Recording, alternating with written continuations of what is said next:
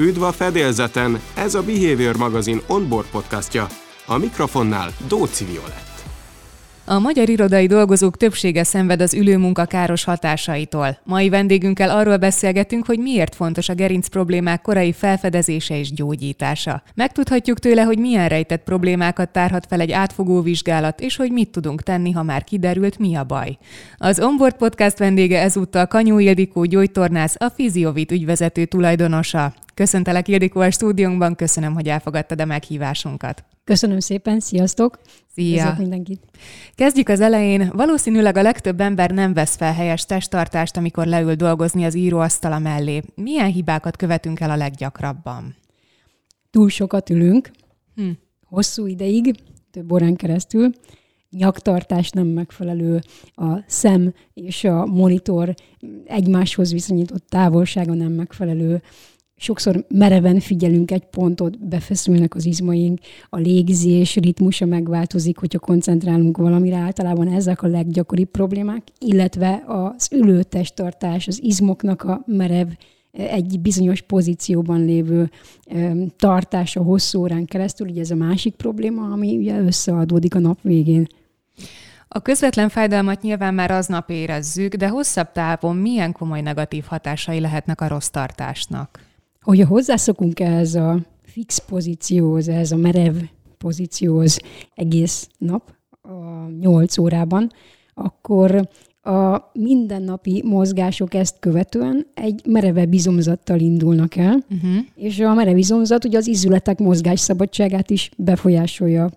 Az a mindennapi mozgásokban hosszú távon, több hét, több hónap elteltével azt eredményezi, hogy mindenhol feszülni fog, és a, az alkalmazkodó képessége az izületeinknek, az izmainknak egyre inkább csökken. Aztán jönnek a különböző fájdalmak, izületi, aztán izomfájdalmak, és ezek ilyen láncolatszerűen terjednek a lábaktól a fej tetejéig az egész testünkön különböző irányokban, a belső szervek irányában is. Aztán jönnek a, a sok irányú eltérések, panaszok, a puffadás, a, a fej fejfájás, a, a rágó ízület környéki, mondjuk fogcsikorgatásban nyilvánuló problémák. És ez mind a rossz testtartással lehet összefüggésben? Lehet, igen. Azért, mert az izomzat bemerevedik, megfeszül, és nem tud jól, rugalmasan alkalmazkodni a mindennapi terheléshez. Hmm.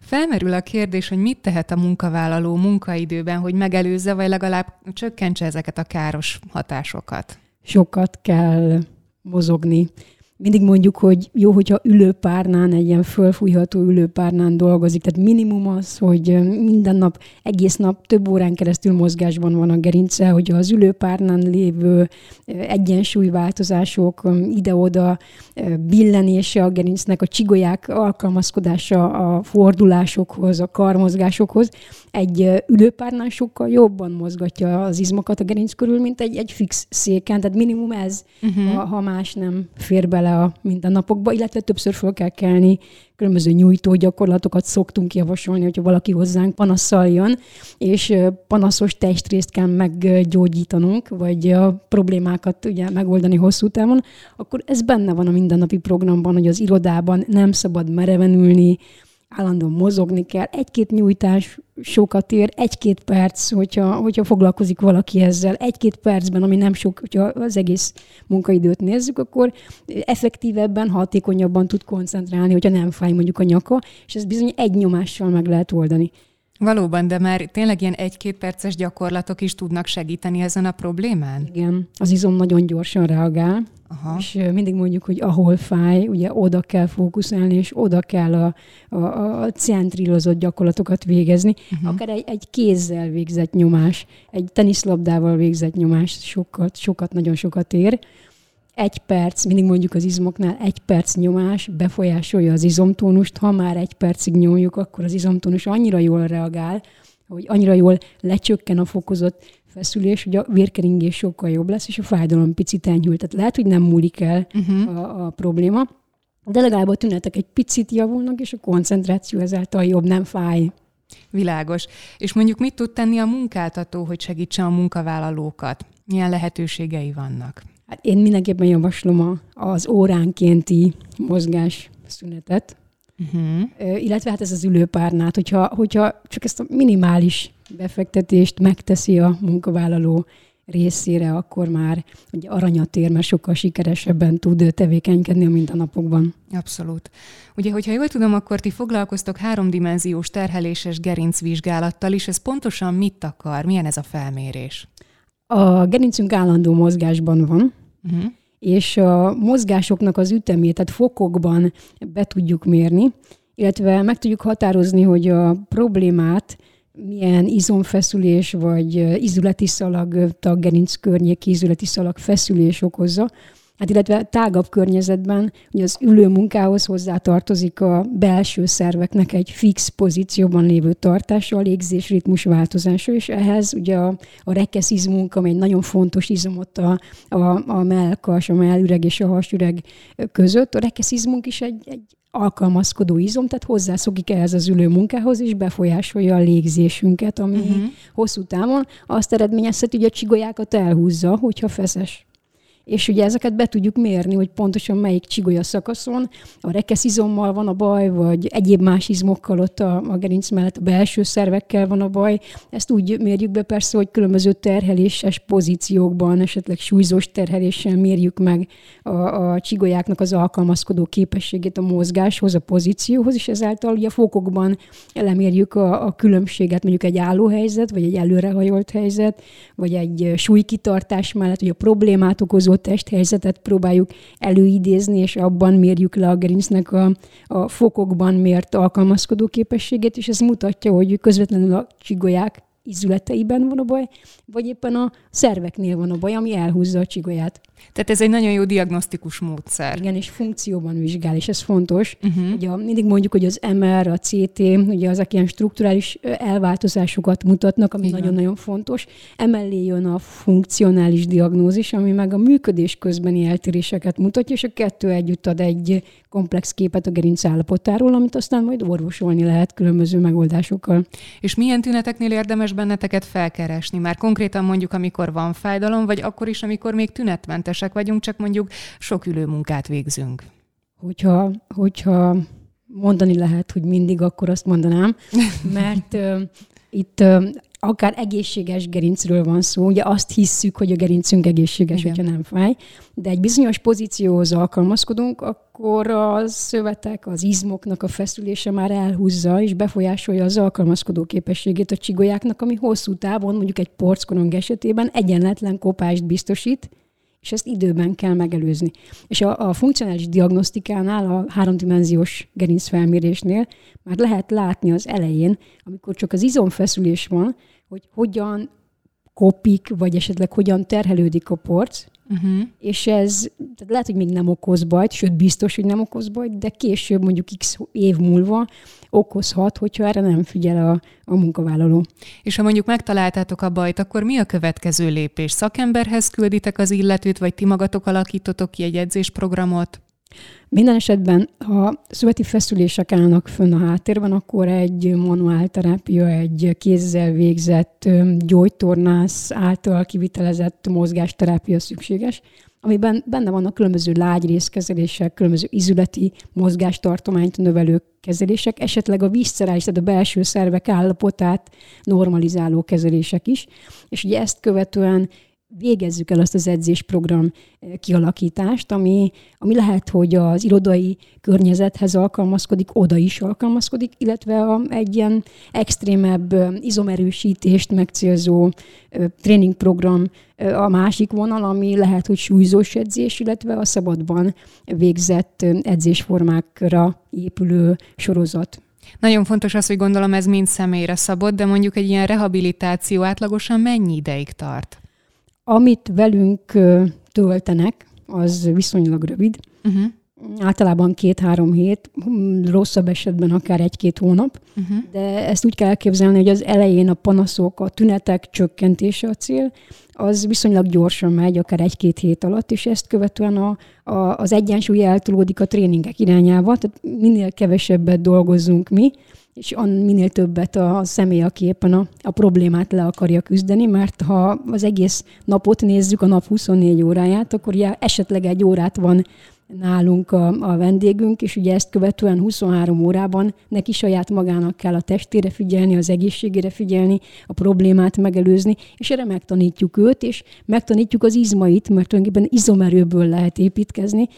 Minden problémának a kulcsa a gyenge izom, mondjuk mi, nem, uh-huh. megfelelő a, nem megfelelően tartja a testet hogyha erre ráfókuszálunk, és megteremtjük a lehetőségét annak, hogy az izom képes legyen arra, hogy alkalmazkodjon a mindennapi terheléshez, akkor már mindent megnyertünk tulajdonképpen, ami a megelőzés szempontjából kell, mert az izomzatot meg, e, megerősítettük, és az képes arra, hogy akár ülőmunka közben is elviselje a terhelést, esetleg, hogyha valaki sportolni megy munka után, mondjuk futni megy, vagy más hobbisportot végez, akkor azt is el tudja viselni.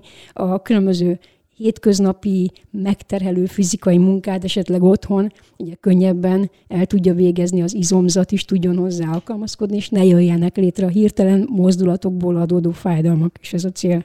Egy nagyon fontos dolgot mondtál ezzel, hogy az izmot kell erősíteni, mert a legtöbben úgy vagyunk vele szerintem, hogy amikor érezzük, hogy fáj a hátunk, valami nem jó, akkor elmegyünk sportolni, biztos, ami biztos, akkor majd jobb lesz, de pont, hogy ilyenkor még jobban megterheljük az izmainkat, a gerincünket, és talán nagyobb bajt okozunk, mint hogyha eredetileg csináltunk volna egy állapotfelmérést, és megnéztük volna, hogy mi a probléma. Neked mik a tapasztalataid ezzel? Nekem az, hogy a, ha valahol fáj, akkor az egy fontos jelzés a test részéről, hogy ott valamilyen baj van, egy gyenge pont van, amit erősíteni kell.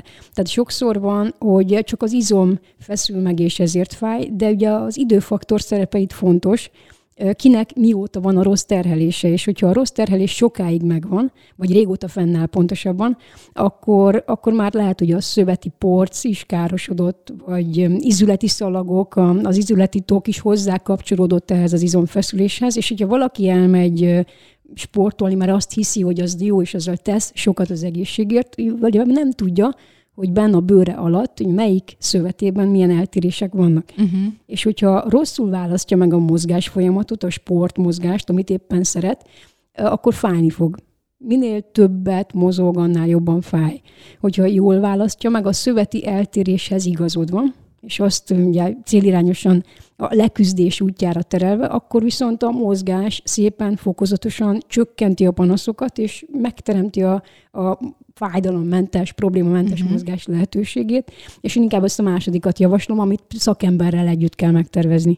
Igen, nagyon fontos, hogy behoztad a szakember kérdését, ugyanis nyilván sokan felkeresünk személyi edzőt is, hogy segítsen minket, de ő gondolom elsősorban a gyakorlatoknak a kialakításában, felépítésében tud segíteni, nem pedig mondjuk a diagnosztizálásban. Igen, különböző szakmacsoportok vesznek részt ugye ezeknek az egészséges életmód folyamatoknak a megteremtésében. Mindenképpen azt javaslom az első körben egy egészségügyi szakemberhez, aki a mozgás folyamatokhoz is ért, a mozgásformához is ért.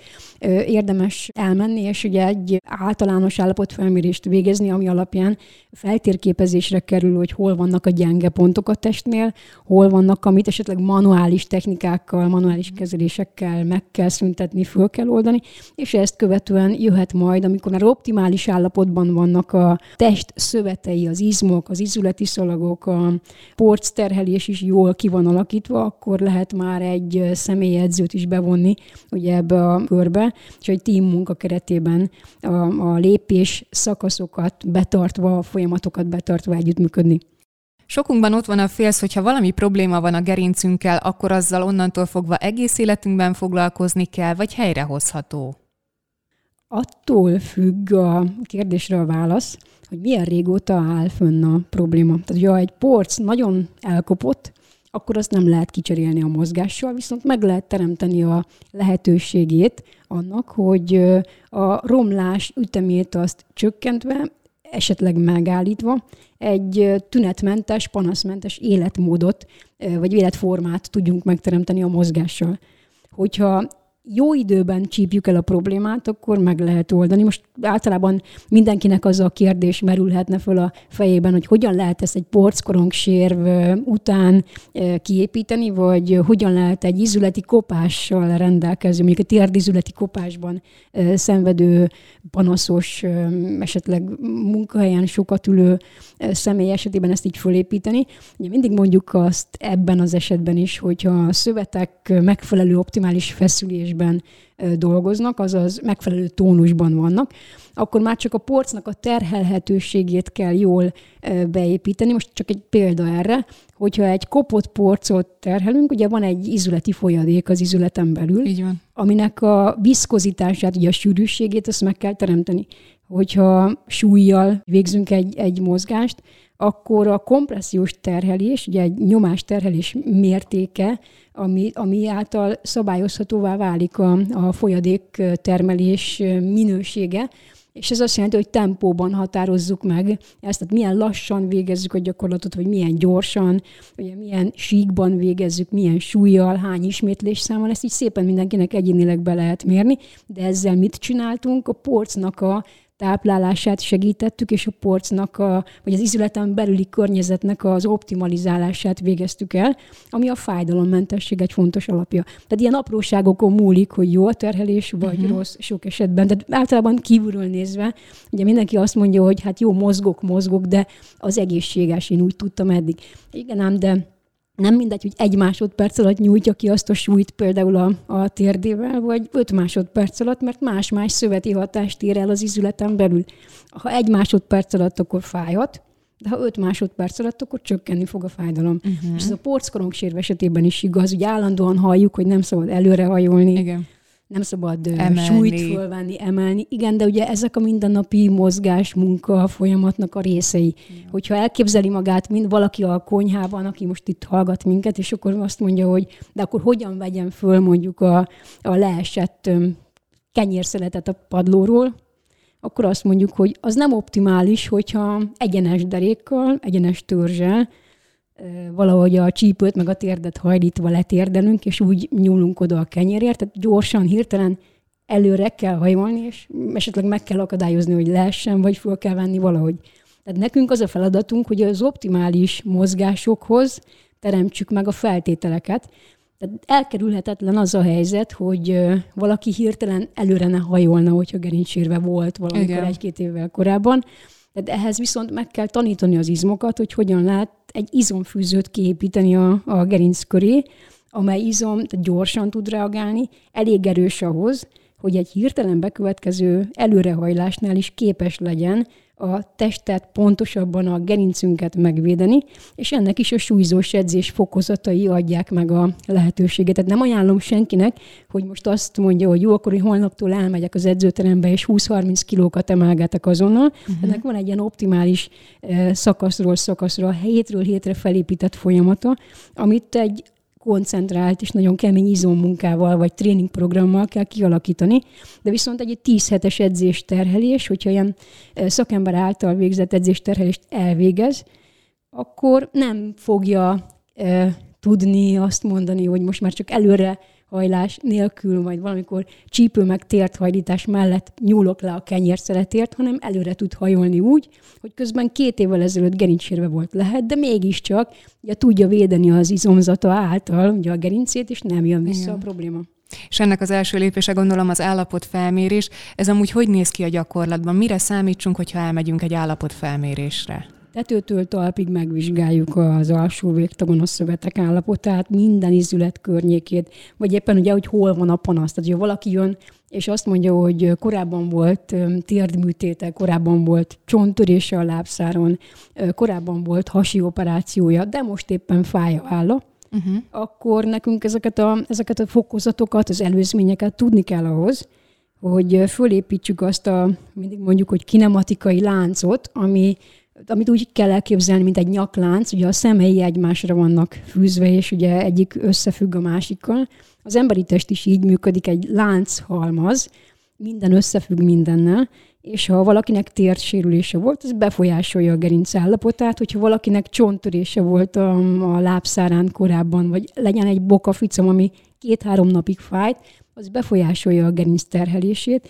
Ha ülőmunkát végez, az befolyásolja a válterhelését, és ez így sorban, ilyen mozaikszerűen össze kell raknunk, vagy úgy is mondanám, hogy puzzle játékszerűen össze kell raknunk, és akkor különböző elemeket, ha, ha egyenként kezelünk, vagy egyenként oldjuk meg a problémáját, akkor mondhatjuk azt a végén, hogy most már optimalizáltuk a testet, és megteremtettük az izmokban, a szalagokban, az izületekben azt a, az optimális tónust, ami alapján majd az edzőterembe tud fájdalommentesen és probléma nélkül dolgozni.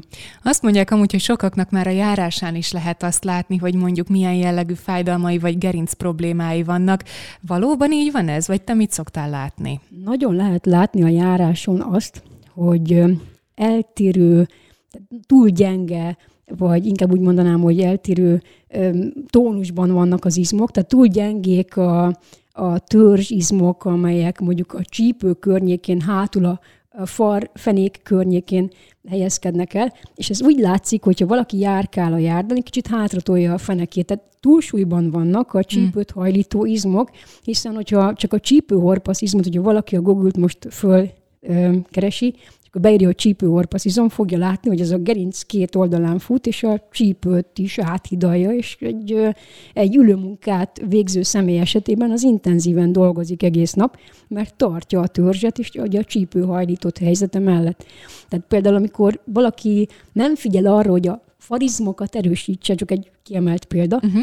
akkor a járásán ez úgy látszik, hogy a, a csípőorpaszizom túlsúlya kicsit behajlítja a járás közben is a, a csípőjét, és közben ilyen hátratolt fenékkel sétál, tehát nem tudja magát kihúzni egyenesen, mert neki ez a kényelmes. Hmm. Csak ugye ezzel az a baj a háttérben, hogy ez megint aszimmetrikusan terheli a gerincet, tehát az ágyéki gerincszakaszt, ugye a háti gerincszakaszt, és akkor már ott van egy, egy kiemelt fókuszpont, ami nem önállóan, hanem valami másra épülve, de problémát okozhat a későbbiekben. Tehát lehet, hogy nem fáj, de nekünk kell arra figyelni, hogy ezt a problémát ott a csípőnél, ami az egy izomegyensúly felbomlásából adódik, megoldjuk, hogy legyen egy kicsit erősebb a hátsó izomzat, a farizmok, meg egyéb más izmok is vannak persze ott, csak most a farizmokat emelem ki, legyen az is erős ahhoz, hogy ellensúlyozza a csípőnél előlévő izmoknak a túlsúlyát, mert ugye hosszú távon csak így tudjuk megteremteni a gerincnek a, a, a terhelését, hogy optimális legyen.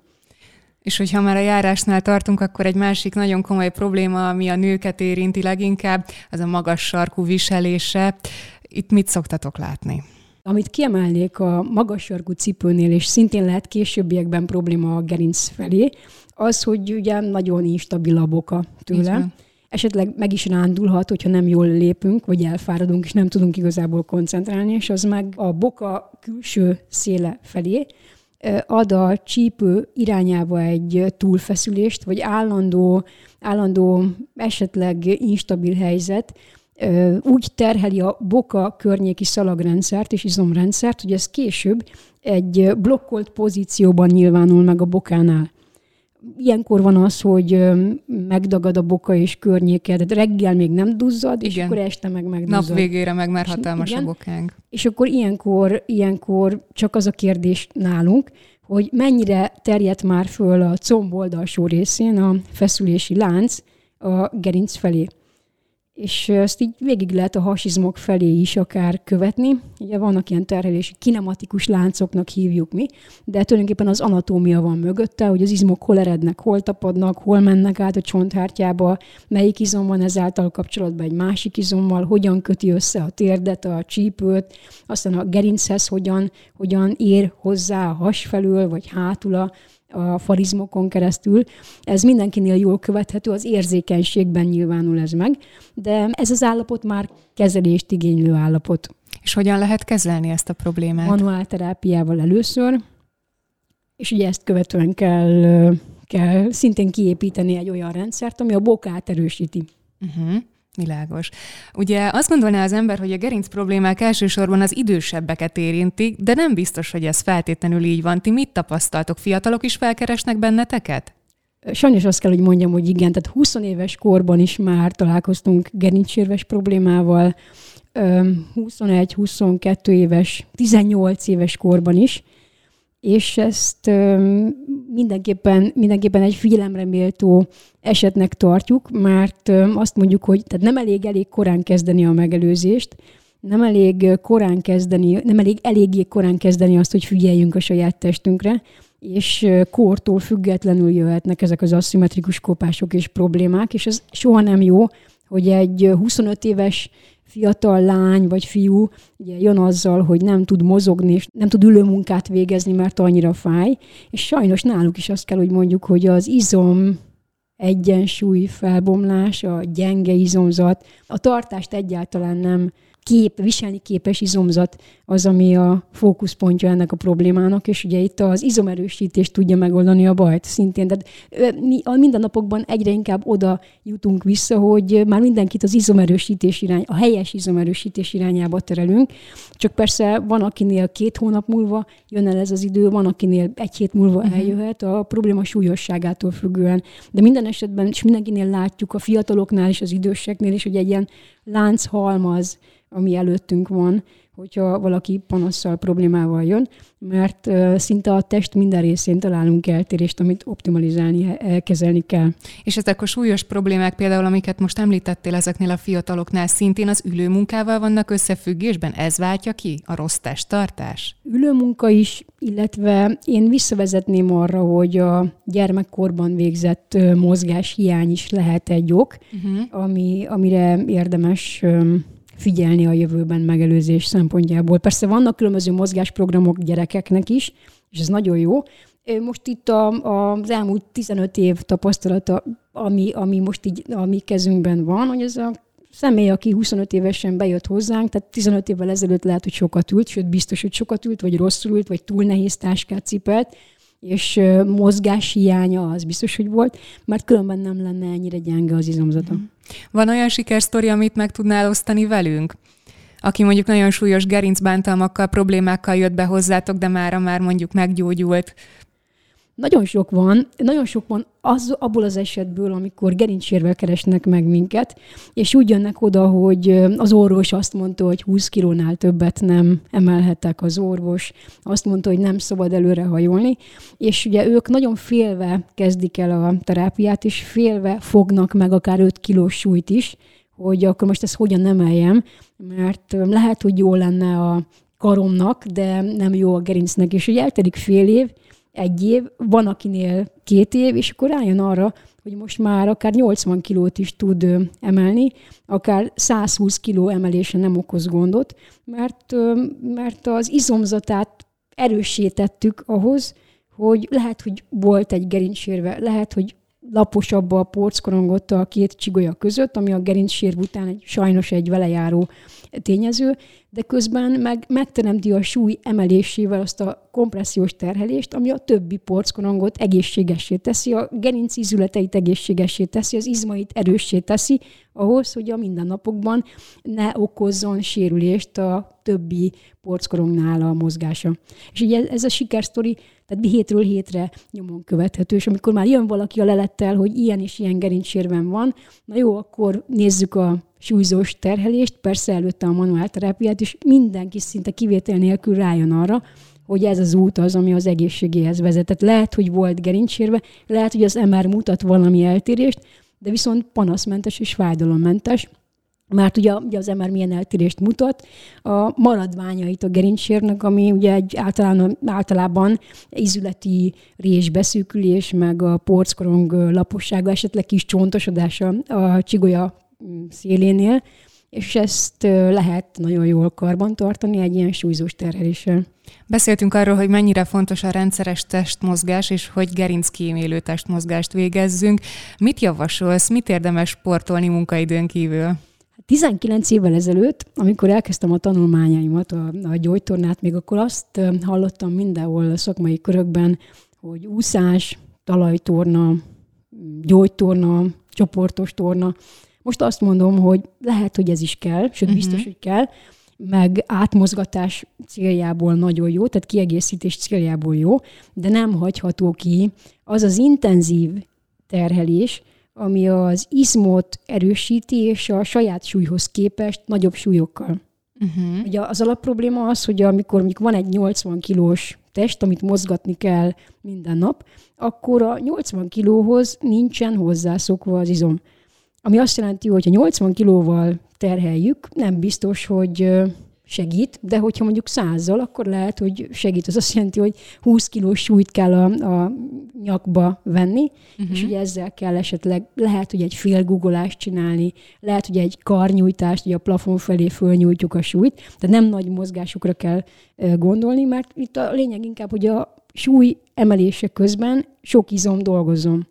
És ha sok izom dolgozom, akkor megadja a terhelést a gerincnek, ami éppen kell ahhoz, hogy majd ülőmunka közben, amikor az irodában ülünk, és a 80 kilós testet kell úgy tartani, hogy persze ennek rész súlya, ami a gerincet érinti ülőhelyzetben, de kell tartani mondjuk 8 órán keresztül, akkor majd az izom emlékezni fog arra, hogy az edzés közben plusz 20 kilóval többet emelt, és akkor lehet, hogy pár órával kitolja a problémamentes időszakot. Uh-huh. Ha kicsit nagyobb a súly, akkor ez még tovább kitolható, és a végén, amikor már az edzés folyamat elér egy kicsit nagyobb súly szintig, ami megint csak okosan kivitelezett edzésterhelés következtében valósul meg, akkor majd ugye föltűnik az, hogy most már egész nap ülök, és nem fáj sehol, mert elég erős a, az izomzatom, hogy tudja tartani a testet.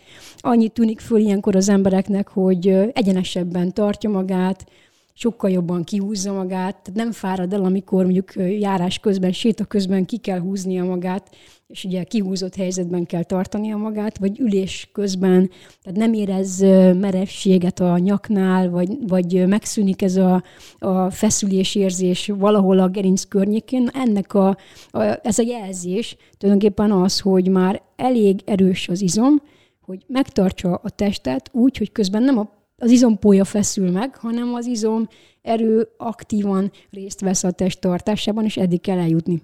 Tehát, hogyha jól értem, akkor te a súlyzós edzéseket ajánlod, de nyilván szakember felügyelete mellett legalábbis az első időkben. Hát nekünk ez az elmúlt tíz év tapasztalata, hogy ugye ha, ha csak azt, azt a programot követjük, hogy úszás, talajtorna, ami lehet, hogy hasonfekve, vagy négykézláb történik, vagy háton fekve történik, akkor megoldja a tüneteket, de amint jön a hétköznapi munkaterhelés, visszajön, tehát hiányzik az az átmenet, ami a tünetmentesség és a megelőzés között van. Uh-huh. És hogyha a tünetet akarunk csökkenteni, akkor az úszás, a talajtorna az egy tünetcsökkentő mozgásforma, amikor kiváltó okot akarunk csökkenteni, akkor viszont kell a súlyzós edzés. Értem. Nem hagyható ki. Ugyanakkor az egyik legnépszerűbb mozgásforma az a futás.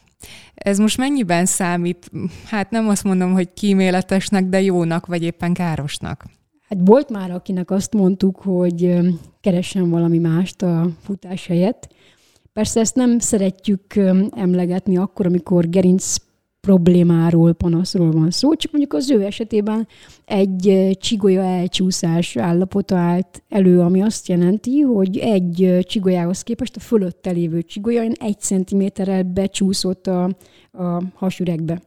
Hogyha erre mondjuk azt mondja valaki, hogy szeretne futni, akkor azt mondjuk, hogy inkább nem, mert minden egyes rázkódás, ütögetés, amikor a talajra ér a sarok, az negatívan visszahat a gerincre, és egy instabil gerincet kevésbé jó irányba tud terhelni, sőt, rosszabbítja a folyamatokat. De van olyan mozgásforma, mint a kerékpározás, tehát ez esetben jó. Ha viszont a futást úgy összességében nézzük, nem instabilitás esetében, hanem mondjuk egy korábban volt gerincsérve esetében, akkor a, a, az elváltozás mértékét kell minden esetben figyelembe venni, hogy a, a korábbi gerincsérv milyen nyomokat hagyott a gerincben. És hogyha ezt sikerül ö, helyreállítani, sikerül mondjuk egy súlyzós edzéssel karban tartani a porckorongok állapotát, akkor nincsen akadálya a futásnak. De hogyha egy irodai dolgozó, és ezt mindig látjuk a hétvégi futóversenyeken, mert ugye a cégek szoktak benevezni futóversenyekre, és ezt mindig látjuk, hogy irodai dolgozók, hogyha egész nap ülnek, esetleg hobbiból futnak néhány órát, mondjuk a héten kétszer, de a hétvégi futóversenyen egy extrém terhelés adódik, akkor általában a lágy szövetekben jelentkeznek problémák. Az ülő munkához szokott izomzat nem tud alkalmazkodni a futóverseny szituációjához. Ugye ott két lábon kell állni, ott viszonylag gyorsan, tehát nem lehet megállni, gyorsan kell futni, egyik lábról a másikra kell ugrálni, és itt az izomzatnak a terhelhetőségi szintje jelentősen lecsökken, és nem az izomerőre gondolok, hanem az izompójára például, uh-huh. amikor a, a, ugye az izmokat úgy kell elképzelni, mintha harisnyában lennének, és ez a harisnya feszül meg.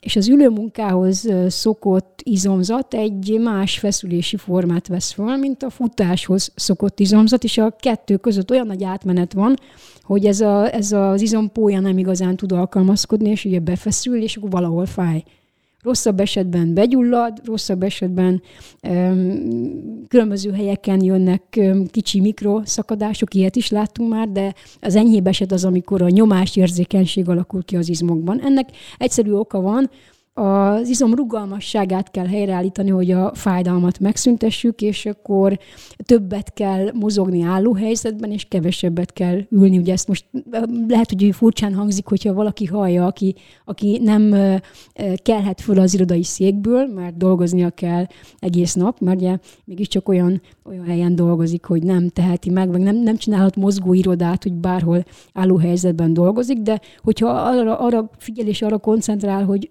legalább egy órát, hogyha vesz a munkaidejéből, és akkor minden órában 5-10 percet foglalkozik magával, vagy csak egy-két percet, hogy egy-egy izmot kicsit átdolgoztat, vagy megnyújt, akkor már tett sokat azért, hogy a következő futóversenyen kicsit jobban tudjon alkalmazkodni az izomzata.